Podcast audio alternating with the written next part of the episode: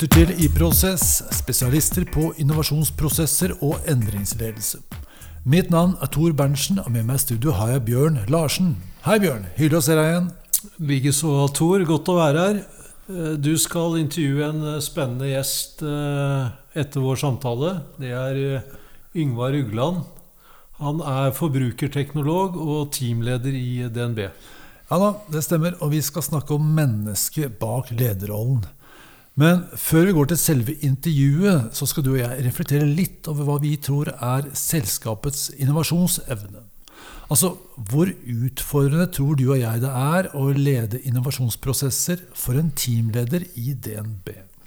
Ja, og vi reflekterer på en skala fra 1 til 10, hvor 1 betyr at det er normalt utfordrende å innovere selskapet, og 10 betyr spesielt utfordrende.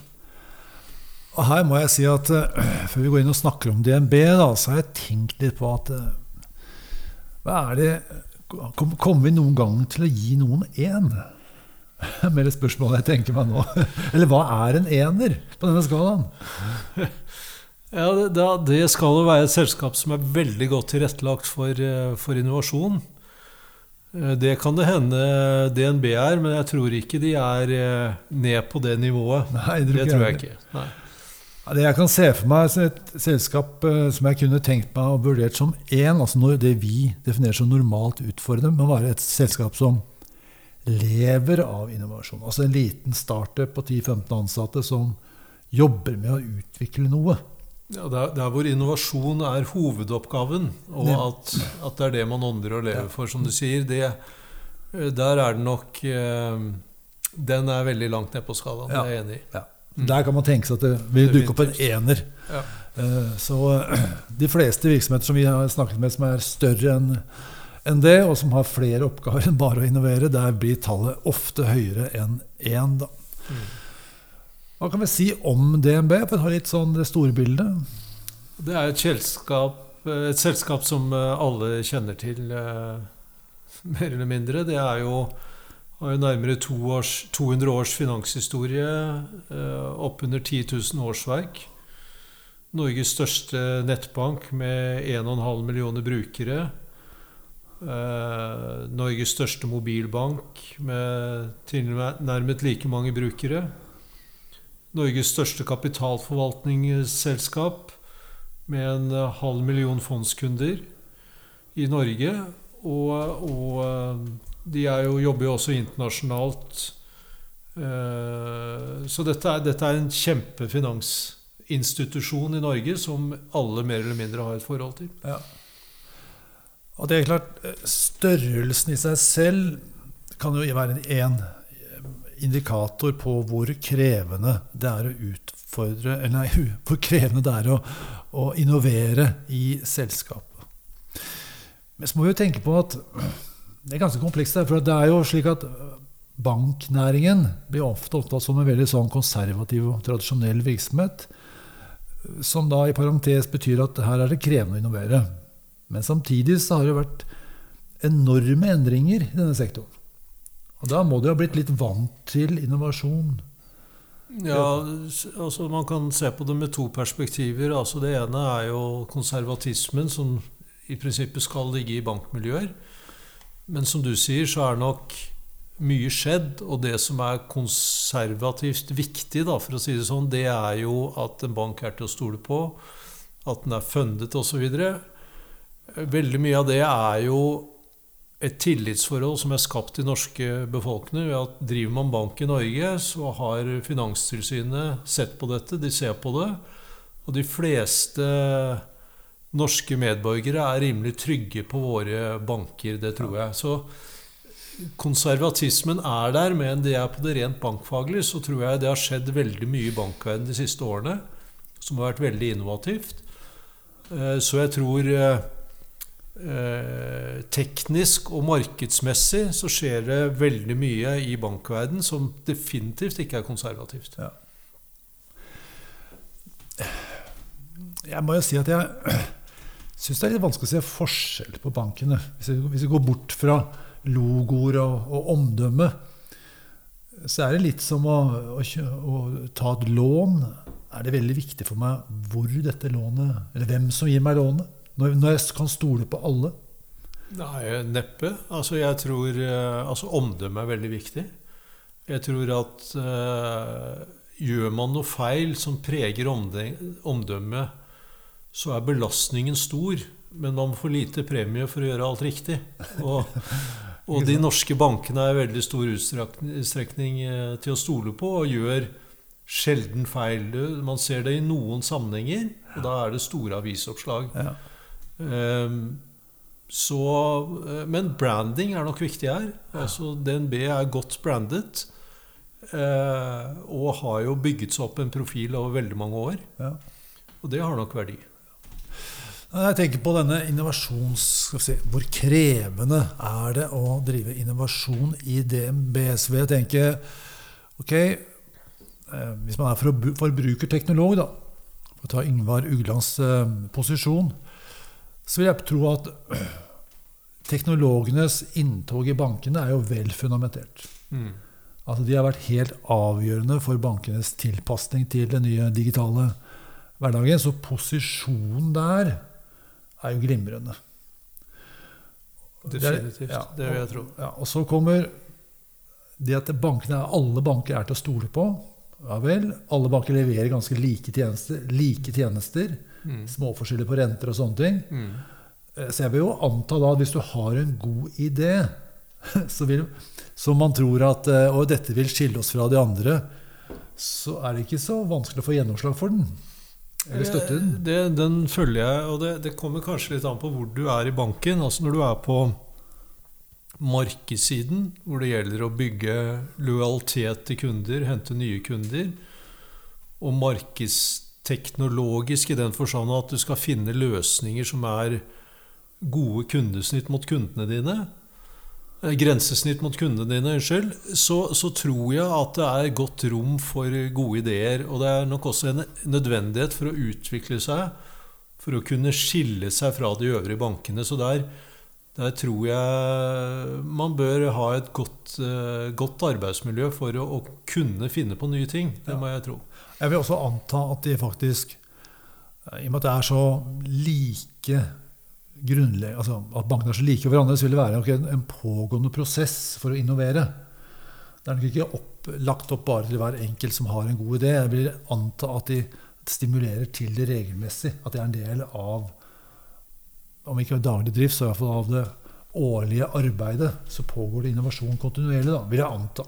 Ja, jeg tror det både er å skape øh, nye ideer, men også å holde takt med det som skjer av utvikling i andre banker. Ja, det er klart. Så hvis du har en, uh, en, uh, en app i dag en, som, som med dårlig brukergrensesnitt, så tror jeg du fort kan tape kunder. Ja.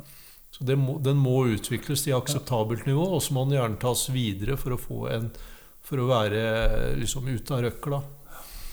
Ikke sant? Så utviklingen i samfunnet generelt eh, bidrar til en kontinuerlig innovasjonsprosess. Det jeg. Mens ved konkurranse mellom bankene bidrar til at, den, at, det går enda et hakk videre. Du skal ikke bare følge med tiden, du må skille deg litt ut fra de andre også. Som, som blir en spesiell eh, innovasjonsprosess. Men, men, der syns jeg, hvis du ser på uh, hvordan andre tjenester i samfunnet som er generiske, da, ja. hvis man kan kalle det det, så ser jeg at f.eks. strømselskaper jobber med, med lojalitetsprogram. Eh, det samme skjer på telesiden osv. Eh, der syns jeg ikke jeg ser like mye av det arbeidet innenfor banktjenester, I hvert fall ikke mot forbrukergrensesnittet. Eh, og jeg er litt forundret over at man ikke bruker mer energi på å skape lojalitet. Ja. Eh, så jeg er litt nysgjerrig eh, Der er jeg faktisk litt nysgjerrig hvorfor det ikke er eh, tydeligere At bankene er tydeligere på dette området. Og det er kanskje noe jeg, det glipper, det er noe jeg ikke ser, men det er i hvert fall bildet mitt inntil ja. jeg vet noe annet. Jeg har sett noen undersøkelser som sier at det er sjelden at vi bytter bank. Ja. Så behovet Behovet er kanskje noe begrenset. Da. Ja, jeg forstår det. Ja. Mm. Ok, vi må eh, bli gjennom et tall. Og jeg må jo si at i disse analysene våre, eller spekulasjonene om du vil, så har vi jo ofte vært på liksom den øvre del av skalaen, mellom fem og ti. Eh, er vi i dag eh, under femtallet? Ja, det, det, tror jeg. Uh, og, men vi skal ikke ned på ett-tallet, som vi drøftet tidligere. Det tror jeg ikke. Men uh, kanskje et uh, tretall er representativt. Ja. Og med det tretallet så mener vi altså at hvor komplekst er det å drive innovasjonsarbeid i DNB? Og vi antar at det er rammebetingelsene for det er gode.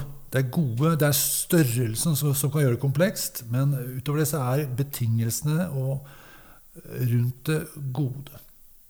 Det, det er vår Betyr ikke at det er lett. Ja, nei, det er vår antakelse, for som sagt så er jo altså bankverden litt konservativ. Det kan nok hende at den konservatismen henger igjen litt, samtidig som, uh, som det innovative arbeidet har fått lov å få rom. Ja. Eh, pluss at sizen, altså med nærmere 10 000 medarbeidere, så er det klart eh, det, det, det er mye som skal skje. Absolutt. og, og, og, det er nok veldig regulativt miljø. Eh, og du har også risiko, selvfølgelig. Ja da. Eh, så, det, så, det, er en del ting som skal være på plass. Så det kompliserer nok prosessene noe, vil jeg tro. Ja. Det kan hende at vi skal litt opp, men eh, vi, det er gøy å gi tre denne gangen. Ja, det er gøy. Ja. Det blir veldig spennende å se hva slags profil Yngvar Ugland har, som skal håndtere disse utfordringene. Og kanskje høre om hva han mener om dette tretallet. Kanskje høyder han oppover. Det kan nok hende han har litt andre refleksjoner også.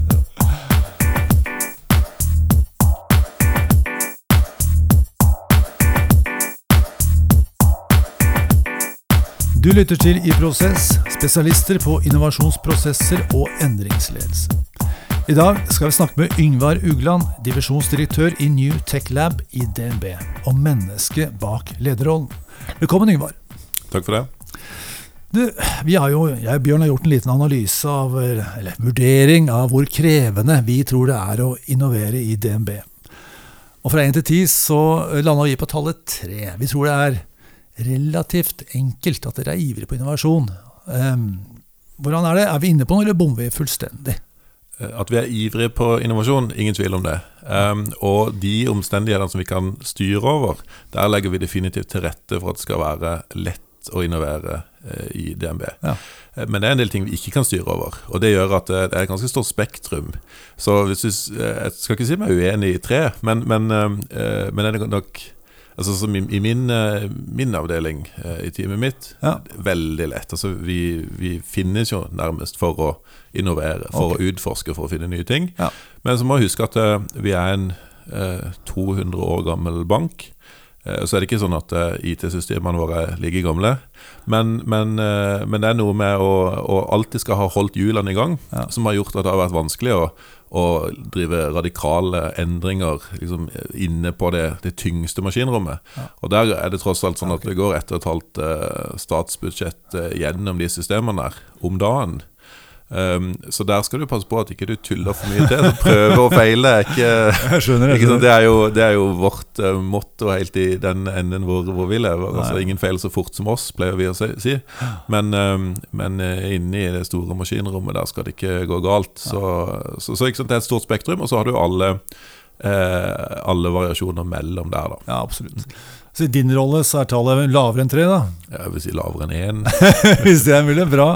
Og så er det noen som har det høyere, selvfølgelig. Det må det jo være. Ja. Det, det, skjønner jeg jo. Før vi går videre, vil jeg si litt om bakgrunnen for denne podkasten. Psykolog Daniel Kahneman fikk nobelpris i økonomi i 2002. Med sin forskning utfordret han modellen som er hele grunnlaget for samfunnsøkonomenes analyser at vi mennesker tar rasjonelle valg for å maksimere egeninteresser. Men dette er ikke bare grunnlaget for samfunnsøkonomenes analyser. Dette er grunnlaget for din og min analyse. Vi liker å tro at vi tar rasjonelle valg. Kahneman er særlig kjent for sin forskning på beslutningspsykologi, atferdsøkonomi og lykkeforskning. Kahneman deler hjernens beslutningsprosess i to kategorier. Den raske, assosiative måten, som Kahneman kaller system 1, men som jeg foretrekker å kalle automatiske valg. Den langsomme, analytiske måten, som Kahneman kaller system 2, men som jeg foretrekker å kalle bevisste valg. Og du har tatt vår profilanalyse, og vi skal snakke litt om dine automatiske valg. Altså det du gjør når du ikke tenker deg spesielt om. Og så er vi nysgjerrig på hvordan denne autopiloten preger ditt lederskap. Men eh, før vi går til det, kan du si litt om DNB og din rolle der? Ja, DNB kjenner jo de fleste, så, så min rolle i DNB er at jeg leder en liten divisjon som heter New Tech Lab. Ja. Og vi er DNBs SWAT-team for ny teknologi. Vi har som eh, oppgave å bevege oss ut i ukjent farvann. Svotin, du må si litt om det navnet. Jo, ja, ikke sant, men det, det er faktisk et godt, eh, et godt begrep, syns jeg. For det er ikke sånn Special Weapons and Tactics. Ja. Og det er jo sånne små team som eh, altså, Tactical weapons betyr jo det du kan bære, ikke sant? Ja, ja, ja. Strategic weapons. Jeg har det er- actionfilm allerede. Nå, i ja, ja, men vi har ingen sånne, Ingen langdistanse langdistansemissiler og sånn der, men det er liksom det vi kan eh, bære med oss. Selvforsynt team som beveger seg liksom litt sånn black ops, da. Hvis du kan se det for deg. Ja visst. Så SWAT-team. Um, uh, selvforsynt. uh, beveger seg liksom inn i raskt eh, Litt sånn James Bond-aktig. Ja. Rast inn i ukjent farvann, rast tilbake. Og rapporterer tilbake til moderskipet som heter uh, DNB. Eh, og så har vi et konsernansvar for, eh, for å mappe ut av terrenget. Altså eh, teknologiuniverset. Eh, så, som er, det har vi et, eh, et, et, et konsernansvar for. Um, og, og så gjør vi det ikke gjennom å teste teknologi som sådan, men teste teknologi for hva det går an å bruke til. Um, og det betyr uh, at vi egentlig er litt på utforsking. En sånn ekspedisjon der hvor det ikke finnes et kart. Så vi må prøve å finne ut hvordan ser terrenget ut, og så tegne dette kartet. Uh, og det betyr ofte at vi ikke vet hva vi ikke vet.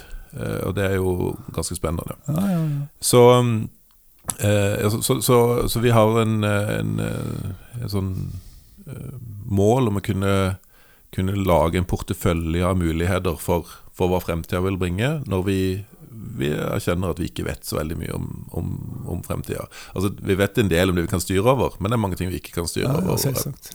Jeg pleier ofte å si at vi, vi har aldri visst så mye som vi vet i dag, om hvor lite vi vet om i morgen. og, det, og det er jo sånn mange som har jobbet med teknologi og sett, eh, sett seg i bakspeilet, så tenker jeg at det, ja, det som har skjedd, har jo vært åpenbart, men hjelp meg så lite vi visste om det på forhånd. Ja. Hvis en leser sine egne notater og dagbøker og sånn. Og jeg tror at denne pandemien har, eh, har gjort det der eh, det, det begrepet der litt til allemannseie. Vi, Ja. vi hadde jo ikke peiling tilbake i februar i fjor. Nei, nei, nei. nei. Ja, men det er spennende. Du, du driver og utforsker fremtiden. Du altså prøver å skape fremtiden ett skritt av gangen, for å si det sånn. Ja, å ha, å, å ha opsjonalitet. Ja. Det å kunne ha mange ting i verktøykassa når Ja. du ikke vet hva som er bak neste sving. Jeg skjønner. Eh, Hvordan er det å være leder i DNB i dag? Kan du si noe om det? I- Så er spesielt i den der veldig skal vi si, nyskapende rollen. da. Ja, ja, absolutt. Og eh, jeg er jo heldig som får eh, lov å lede et såpass autonomt team. da Altså eh, et selvforsynt team. Vi har de ressursene vi, vi mener vi trenger, og, og vi har stor selvbestemmelsesrett. Ja. Men det er, det er egentlig ganske betegnende for hva vi tenker rundt lederskap i DNB. Vår eh, skal kalle ledelsesfilosofi det er gi slipp. Altså gi slipp-ledelse. Okay. På, um, på fagspråket så jeg det altså empowerment. Men, eh, men det handler om altså, å gi slipp. Det gjør, gjør det mer Ja, på norsk vil vi kalle det myndiggjørende ledelse, eller eventuelt Ja, superledelse. Da, som Ja. er Men det handler om altså, gi slipp er, er sånn veldig konkret og folkelig, og, Ja. og folk skjønner hva det betyr. Eh, og, og på motsatt side da, betyr at eh, hvis du har ledere som er gode til å gi slipp, så betyr det at du må gripe, gripe mulighetene. Det er veldig bra, bra perspektiv på det, egentlig. For at den gamle lederrollen den har jo hatt ta tak, eller holde litt kontroll på det. Ja. Så at, så at eh, bevegelsen over til den nye lederrollen, som jeg tror det er spot on på, det er en fint, et fint begrep for det. da. Gi litt slipp, så får andre styre seg sjøl bedre. Ja, ikke sant? Og jeg tror i, eh, når verden blir mer og mer prega av teknologi, Ja, eh, så blir det viktigere og viktigere. Fordi, nettopp fordi det er så de tar i software, f.eks., som er kjerna i veldig mye av den teknologien vi driver med nå. Ja. Eh, Så er det uendelig mange måter å skrive et dataprogram på for å løse et veldig konkret problem. Og da er det sånn, Hvilke av de måtene er best? ja, det er best å overlate eh, beslutningene til det, og, eh, rundt det til de som sitter tettest på. De som kan mest om det. Ja. Og det er, liksom, det er gi slipp. Og det er jo sånn det, er sånn det har vært i sånn smidig softwareutvikling og sånn i 20 år. Men å, å, å, ta det videre til en hel sånn ledelsesfilosofi, det er på en måte next step. da Ja. Så, mm. Ja da, og i, som du sier, så er det ikke bare innenfor teknologi, men innenfor nesten, nesten alle områder, kanskje ikke alle, men veldig mange, så er jo folk i ferd med å bli mer og mer spesialister. Og da kommer noe av det samme tenkningen inn, da. Så der er du vel eh, i forkant, tenker jeg. Kan du si litt om hvilke ambisjoner du har for din rolle, din enhet, dette SWAT-teamet, de, de nærmeste årene? Ja, altså det er jo, det er jo fristende å si at eh, eh når vi har eh, så stor frihet og sånn, så bør det komme noe enormt stort ut av dette. ja, det har vel noen krav eller forventninger. ja, men, men, det er klart, eh, det vi, det vi iallfall skal sørge for, er at enten så kommer det noe stort ut av det sånn i, i form av en eller annen vesentlig teknologidreven nyvinning, eller så skal vi i hvert fall sørge for at uh, DNB er veldig godt skodd for å, uh, for å ikke gjøre teknologiske feilvalg ja. som en konsekvens av vår læring underveis. Og eh, vi, vi, vi, kan ikke si at vi skal, vi skal, skape et unicorn. Fordi det blir litt sånn Hvis, hvis det bare lager en altså, hvis det finnes en oppskrift, så hadde jo alle gjort det. Ja, ja, da, Men vi skal være veldig flinke på å, å ha testa ut veldig mye, mye, forskjellige ting, sånn at DNB er best mulig skodd for å øh, gjøre ting riktig. Uh, og så tror jeg, jeg, tror, jeg tror det kommer noe, noe, stort, uh, noe, stort, ut av det. Og jeg syns, jeg syns vi har vist allerede at det er nesten ingenting som er, er umulig med Nei. teknologi. Så, men, men, hva det er, det vet jeg ikke. Og det er jeg ikke så opptatt av heller.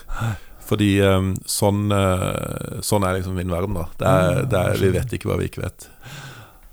Nei, det er en spennende rolle å ha. Kan du si litt om det her med det der med at dere ikke gjør feil at, altså, La oss si du ikke lager en unicorn. da. Håper at du gjør det, selvfølgelig, men la oss si at du ikke gjør det. Hvor verdifullt er den andre innsikten? Den at, dere, eh, at man ikke tar feil datavalg? At man liksom, har lært så mye? Ja, jeg, tror, jeg, tror, igjen det handler om ikke bare å vite hvor du ikke skal gå, men å liksom ha opsjonalitet, Ha prøvd ting og ha eh, hands on erfaring i, på huset ja. innenfor hvilke teknologier du skal bruke til hva. Uh, og det tror jeg Det, det, det, det lærer oss en del om, um, om hva teknologi kan brukes til, og hva det ikke kan brukes til. Ja. Og, og, det, er noe, det er vanskelig for ikke-teknologer å forstå hvorfor en, en, ting som kan virke som magi, kan løses med, med teknologi i løpet av i sånn eh, et par timer foran eh, med en tastatur og en skjerm. Mens et problem som virker omtrent like komplekst for for en ikke-teknolog vil kreve fem år og et forskningsteam. Ikke sant? Og det, det er viktig innsikt. da. Ja, ja, det skjønner jeg. Og det er jo kanskje grunnlaget for en unicorn som kommer en eller annen gang mm. uansett, hvis du bare holder på lenge nok. Veldig bra. Du har tatt vår profilundersøkelse og fått en av 16 mulige profiler. Og nå er jeg litt nysgjerrig på hvordan dine preferanser, eller la oss kalle det styrker, kan bidra til å skape den fremtiden du ønsker. En eller annen unicorn, selvfølgelig. Og Da vil jeg gjerne starte med et utdrag fra profilbeskrivelsen for å sjekke om du kjenner deg igjen. La oss se. Din type er fantasirike, frihetselskende og eventyrlystne individualister, med legning for å tenne og kaste seg ut i det ene nye prosjektet etter det andre, med spontan og ofte smittsom energi og entusiasme. Hva sier du til det? Er det en rimelig beskrivelse av uh, Yngvar Ugland? Ja, det er jo eh, nærmest en eh, omtrent sånn jeg pleier å beskrive eh, meg sjøl og rollen min. da Bare jeg pleier å bruke der hvor du sier fantasirike, så pleier jeg å snakke om viktigheten av å, å pleie forestillelsesevnen. Ja. Fordi det er så Det er eneste måten vi kan ta ut hele potensialet i den enorme teknologiutviklinga som er frihetselskende. Altså, du vil ikke høre noen snakker varmere om radikal autonomi. eller eh, selv, selvstyrerett enn meg. Um, og eventyrlysten Ja, jeg sa jo det, vi, vi, vet jo ikke hva vi ikke vet. Vi er Nei. på en ekspedisjon, det finnes ikke noe kart. Ja. Um, det er jobbeskrivelse der.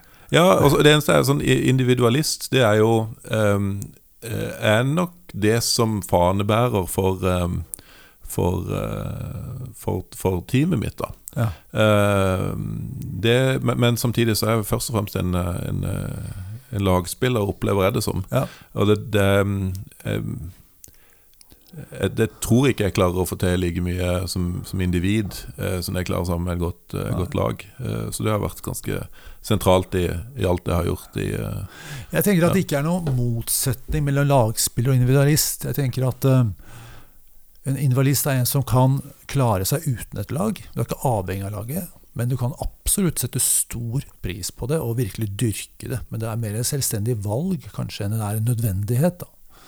Hvis du tenker på kollektivister som er motsatsen, de er jo avhengige av laget. De føler seg jo lost uten, ikke sant. Jeg tenker at det kanskje er en sånn betyr ikke at det er mindre verd, det betyr bare at det er, det er selvvalgt og frivillig. Ja, ja, ikke sant. Ja. Ja, jeg setter veldig stor pris på å, ha, å, å være en del av et lag som Ja. klarer å få til noe som er mye mer enn det jeg sjøl hadde Ja, klart alene. Det skjønner jeg godt. Det er ikke så gøy å si jippi helt aleine. Det er gøy å si det sammen med andre. Det er det jeg tenker. Ja, men Bra. Du, Nå skal vi gå litt eh, inn i selve profilen din. da. Og Her er det åtte preferanser som vi skal snakke litt om, fordelt på fire dimensjoner. Og Du har fått profilen eh, Det er fire bokstaver. Det er ENFP.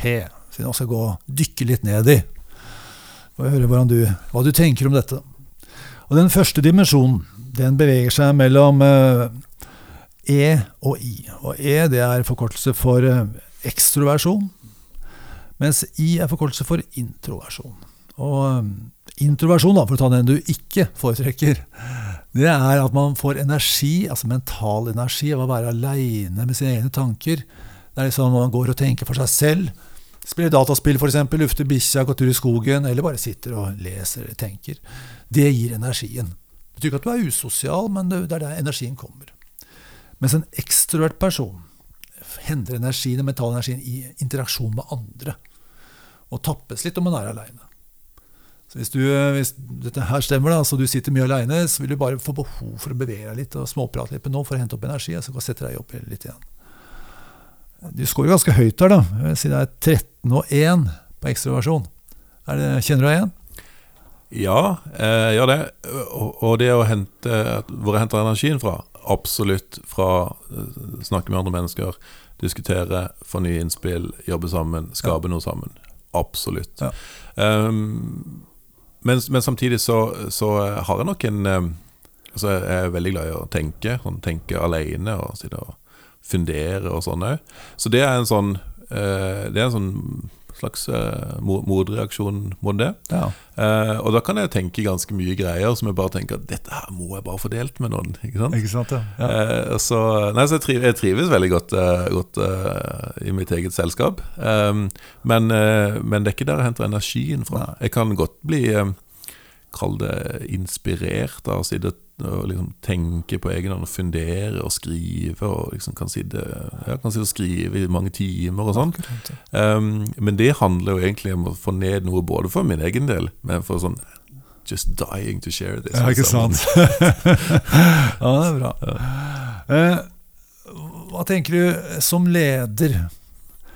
Altså, hva, hva tenker du er forskjellen på en ekstrovert leder og en introvert leder? Eller på deg, da. Du er jo tydelig ekstrovert. Hvordan preger det lederskapet ditt? Eh, Jeg tror Jeg Så er veldig opptatt av å, å, å bygge lag, da. Ja. Um, Det er sånn Noen kan kanskje føle at eh, jeg, altså, Fordi jeg setter liksom enheten er, er, er teamet og ikke individet. Ja. At det kan være vanskelig å liksom eh, Vanskelig å bli sett som individ.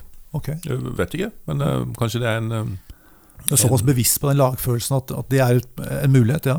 Jeg er veldig opptatt av det at det er, vi, skal, vi skal bygge verdens beste lag. Eh, og så er det ikke så viktig om jeg har verdens beste spillere på laget, da.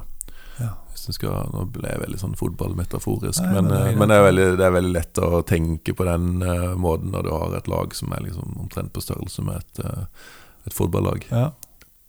Men jeg har litt sans for den måten å tenke på, for at vi lever i veldig, et veldig individualistisk samfunn. Mm. Så lederens budskap trenger ikke å være nå må vi ha mer idealisme. Altså mer av det vi allerede har. Unnskyld, jeg sa idealisme, jeg mente individualisme. Mm, -hmm. Så da kan du et eh, sterkt signal om ok, vi er individualister, det er bra, men vi må bygge et lag. Det er, liksom, det er, det, det er kanskje det signalet vi trenger å høre i en sånn tid eh, som vi er i nå. Da. Men hva tenker du om dette fraværet av introversjon, i hvert fall særlig på denne grafen her? Da? Du kan selvfølgelig velge å være å bruke introversjon. Alle har jo begge deler. Det er ikke sånn at du ikke har det. Men kan det være noen negative sider? Altså kan det være slik at uh, du prater for mye, du er for ivrig, tar for mye plass? Altså, jeg vet ikke om du er Stordalen-typen, eller sånn. og tar hele rommet? Ja, I noen sammenhenger så er jeg helt sikkert det, men, men samtidig så eh, Noen ganger så, så, blir jeg i noen sammenhenger så blir jeg spurt om sånn her Yngve, hva tenker du? Du er så stille. Ja. Eh, og det er som regel fordi jeg sitter og tenker. Ja, Særlig ting eh, i saker der hvor, eh, hvor jeg eh, kanskje ikke føler at her har jeg her har jeg nok um, informasjon, det har ikke sunket nok inn til at jeg kan vite hva er det, hva er det egentlig jeg tenker om dette. Nei. Eller du kan si hva er det jeg føler om dette. Det, er sant. Det skal vi ta hvert øyeblikk.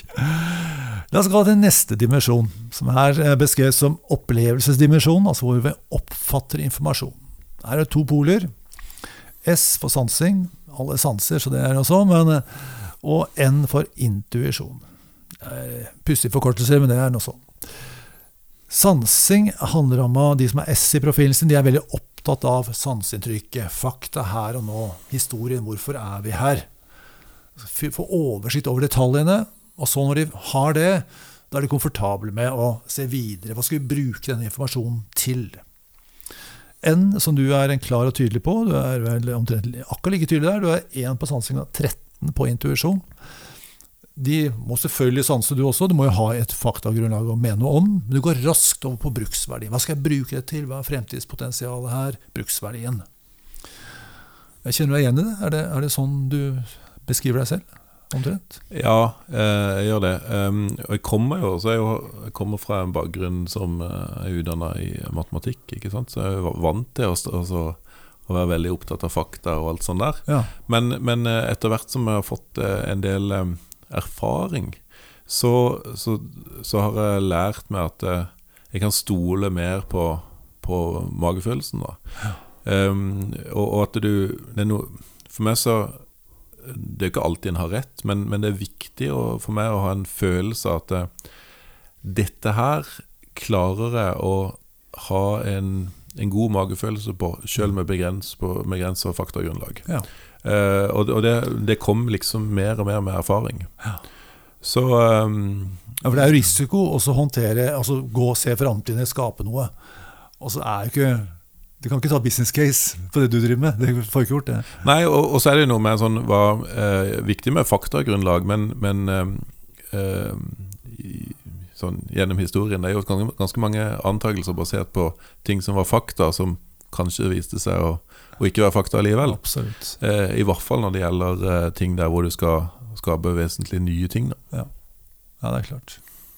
Eller så, så tenker jeg at eh, eh, var det, ja, det var Nicolai Tangen som sa, som sa, det nylig, jeg husker ikke sammenheng, kanskje det var Oslo Business Forum, eh, om at eh, når du driver med sånn som han gjør, da, ja. altså asset management, porteføljestyring og sånn, verdens største fond i sin type, må stole på magefølelsen. Eller pattern recognition, som du må kalle det. Ah, ja, ja, ikke, så, det har jeg faktisk hørt han si. Det stemmer, det. Altså, det, jeg, det sånn, for det, handler jo egentlig om det. det, er, altså, det er, dette er vårt, uh, vårt nevrale nettverk. Ja, det er det det er egentlig. Vi er verdensmestere, eller vi er mennesker som art, er gode på mønstergjenkjenning. Ja. Ja, til og med se mønster der det ikke er noe. ja, ikke sant? Men uh, jeg har husker jeg jeg har samme, omtrent samme, eh, samme score som deg på akkurat denne dimensjonen. her, da, Så jeg har også en sterk N i min profil. Jeg jobbet sammen med eh, en kollega som hadde sterk S. Og hun ble ganske sliten av meg når vi hadde idémyldring. Vi hadde liksom tre, fire, fem, seks ideer i hodet samtidig. Og, og, håndterte det. Mens hun så jo veien fra A til Å. Hun, hver eneste idé. hun ble ganske sliten av det. Mm. Er, det er du sånn er det på sånn måte for deg, eller åssen er det? Ja, jeg har hørt noen ganger at eh, Ingvar, vi stoler på at eh, du har erfaring nok til å vite eh, i gåsehudene hva som er rett her. Ja. Eh, men, men, vi forstår ikke det. Så du er nødt til å stoppe opp og ta oss med på ja. reisa. Ja. Uh, og da, når du, når du, har liksom Når uh, magefølelsen, pattern recognition, har sagt at uh, dette, dette, er riktig, så er det ikke alltid så lett å spole tilbake Nei, og argumentere steg for steg for hvorfor det er sånn. Særlig når du er vant til å overlate beslutningene til uh, magefølelsen Ja. eller uh, menneskets eh, pattern Ja, recognition. ja, jeg skjønner. jeg skjønner. Nei, og Hvis folk er skrudd sammen litt annerledes, må man jo ta det skritt for skritt. altså De får uh, gått igjennom. Uh, vi tar neste dimensjon også, som er den avgjørelsesdimensjonen. Altså hvordan vi vurderer og beslutter. Og Du har jo nevnt magefølelsen ganske flere ganger nå, så den er sikkert veldig sterk. Og her ser vi at den er yes, 14-0. Altså det er null eh, på tenkning, som er det logiske analytiske. Liksom. Det er nærmest som en ligning, ikke sant? Vi bare legger sammen to pluss to pluss to, og så får vi et svar. Eh, mens du bare kjenner du kjenner at dette her er riktig. Du kan selvfølgelig gå ut og sjekke fakta og ja, gjøre praktiske analyser etterpå. Men den er veldig veldig sterk hos deg. Fortell litt hvordan det oppleves. Ja, det er jo ironisk, da, at du sitter her og snakker med en matematiker som eh, Ja, det er det jeg tenker på. Det er liksom Hæ, er ikke du, har ikke du sterk S og T? liksom? Det var veldig rart, egentlig. Men, eh, Jo, jo, men eh, Altså, det er, jeg har jo brukt eh, store deler av mitt liv på matematikk og utelukkende logisk tenking, da. ja. Um, samtidig, så hvis du kommer ned i, i kvantefysikken, så vet du jo at ting er ganske overlatt til tilfeldighetene Ja, på nanonivå der òg. Og så er det masse ting vi ikke vet òg. Eh, så, så jeg tenker at det er um, Det er, det er nå én ting. Men, men veldig respekt for, for det der. Og eh, det er mange ganger jeg gjør sånne øvelser at liksom Hvordan kommer dette her ut? Alt sånn ar aritmetisk, hvis jeg legger sammen og liksom okay. sånn. Men hvis resultatet eh, virker feil, Mhm. altså hvis ikke det føles riktig, Ja. nei, stoler ikke på det. Nei. Og det er sånn eh, For meg så mobiliserer det enormt mye mer energi. Eh, og, og lidenskap, ikke minst. Ja. Hvis jeg virkelig tror på det. Eh, og da eh, Så, det, det er så mye sterkere i meg. Det er at eh, om, om ligningen ikke går opp, Mm. så ja vel, kanskje vi har gjort noe feil i antakelsene. da. For det er et eller annet med det, det henger litt sammen med Jeg skjønner. intuisjon. da Ja. Stoler på Absolutt. intuisjonen, eh, og det mobiliserer enormt med, med lidenskap eh, hos meg. Ja. Eh, og, da, og det vet jeg at det er ganske eh, smittsomt. Eh, og derfor så, så, så jeg, Etter hvert som jeg har blitt klar over det, så har det blitt mer selvforsterkende. Jeg har en teori om at eh, ledelse fram til ganske nylig så har vært foretrukket T, altså den analytiske. Kontroll på detaljer, analyser som er lett å forklare, eh, etterprøvbart. Og det har funka kjempebra i veldig mange år. Særlig har det vært effektivisering og sånne ting som har vært liksom på agendaen. Men så når det kommer nyskaping og nytenkning som er på agendaen, så innbiller jeg meg at da blir den F-en og magefølelsetenkningen mye, mye viktigere. For du kan ikke kjøre business case på alt. ikke sant? Du må selvfølgelig ha noe fakta å bygge på. Det er ikke, det ikke tilfeldigheter, sånn sett. Men det er en ekstrem høy grad av usikkerhet da, hvor en magefølelse kommer inn. Hva er dine tanker om det? Er det Ja, jeg er enig i det. Og um, pleier å være opptatt av um, å være sta på visjonen, eller sta på målet, da. Ja. Og fleksibel på detaljene. Så fleksibel på veien fram der. Ja. Fordi, og det der med, med målet eller visjon, hva er det vi skal oppnå? Det, det er jo der hvor liksom lidenskapen eh, det, som, det er det som driver oss. Ikke sant? Men, men, men hvordan vi skal komme der til? Skjønner seg på. Har ikke peiling. Eh, ingen vet. Og hvis du tror du vet, så er du, da er du kanskje dårligere rigga. Så, så, eh, og da, når du ikke vet hva du ikke vet nei, Hvis du har stol på magefølelsen, da. Ja. Så nei, jeg er enig, med, enig i den Ja, refleksjonen. Spennende. Siste dimensjonen kaller vi ofte livsstilsdimensjon, eller eh, gjerne struktur, tenker jeg da. Så det er hvordan vi foretrekker å innrette oss i livet, men eller hvordan vi foretrekker å organisere arbeidet. Eh, og det er på den ene sida J, uh, som er forkortelse for avgjørelse. Og de som har J i sin profil, de er veldig glad i å ta beslutninger og ha orden, struktur, lage planer. Og gjerne detaljerte planer, og følge planene sine. Selv om, hvis, og hvis du må avvike fra planen, så er det et nederlag. Selv om det er riktig, så er det et nederlag. Planen burde vært så god at du kunne gjennomført den.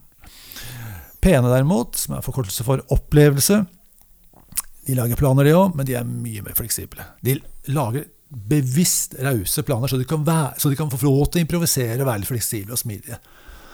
Og PN er ikke så opptatt av ordning og reda. De vil ha mer opplevelse, variasjon, impulsivitet. Og dette er styrker i PNs verden. I Jonnes verden så er det jo svakhet. hva, hva, hva tenker du? Kjenner du deg igjen i dette her? Ja, ja, absolutt. Ja. Ja.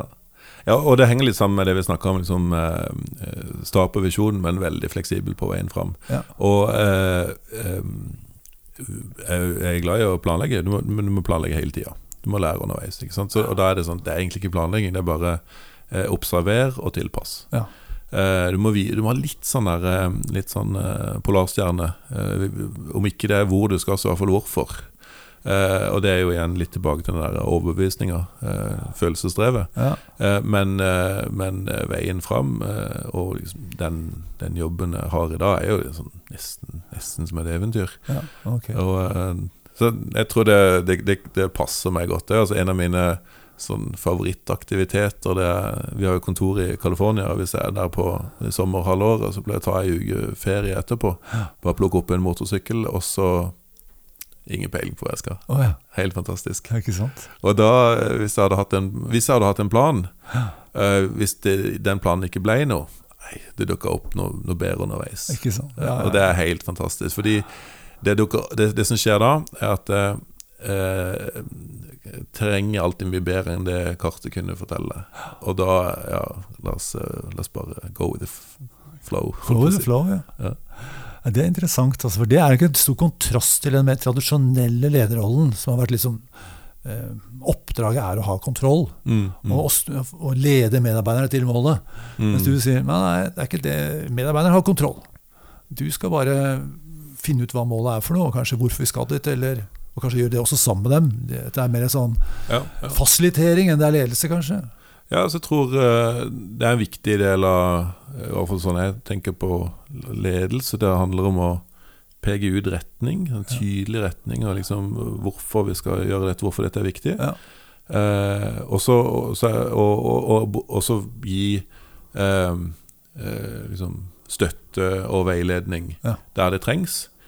Også for enhver pris passe på å ikke gå i veien for disse flinke menneskene. Nei. Og det er litt sånn hvis du, hvis du sammenligner Hvis du skal ta fotball igjen, da. Ja, ja, ja. Eh, Hvis du sammenligner eh, fotball med amerikansk fotball. Eh, når kampen er i gang, så er det ikke så veldig mye eh, treneren egentlig kan gjøre. Da, da, da har du, du har noen grep rundt noen bytter. Du kan prøve å, å rope. Eh, det funka fint når ikke det var tilskuere på, eh, på tribunen. Ja. Men, eh, men egentlig så handler da har, du, da har du Du har lagt en plan, og så er det en sånn, noen retningslinjer for hvordan vi skal spille. Ja. Eh, og du har liksom øvd på treningsfeltet og alt det der. Og så er det bare å gi slipp. Ja. Håpe at dette virker. I amerikansk fotball så har du veldig Da kan du påvirke mye i detaljer, altså, som, som trener.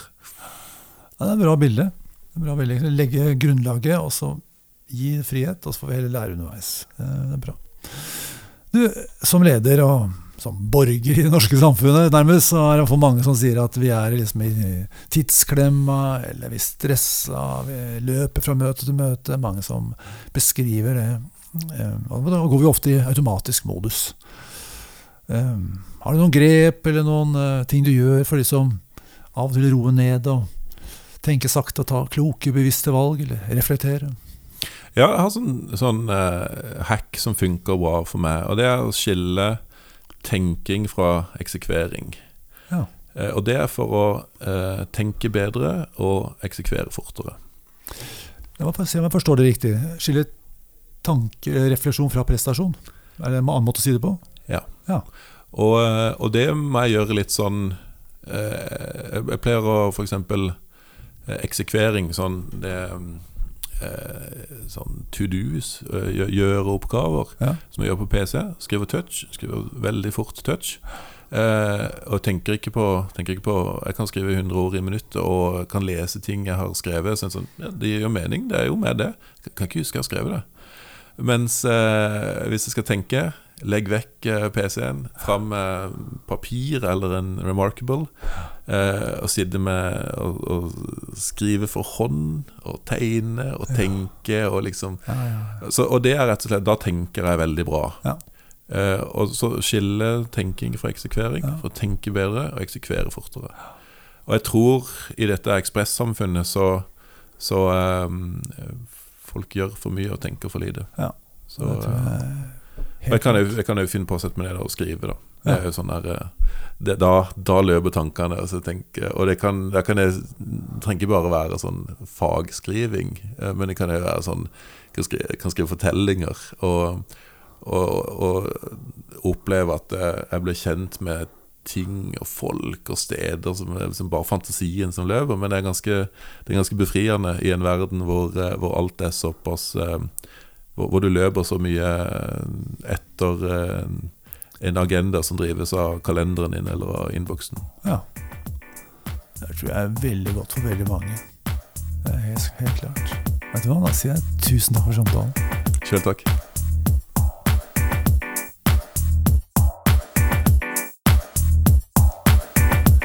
Er du i stand til å slå av autopiloten og jobbe fokusert med de viktigste oppgavene? Eller blir du fanget av hverdagens umettelige krav og tar automatiske valg? Og hvordan vet du hva som er forskjellen? Stikk innom iprosess.no og se hvordan vi kan hjelpe deg med å implementere strategien på rekordtid.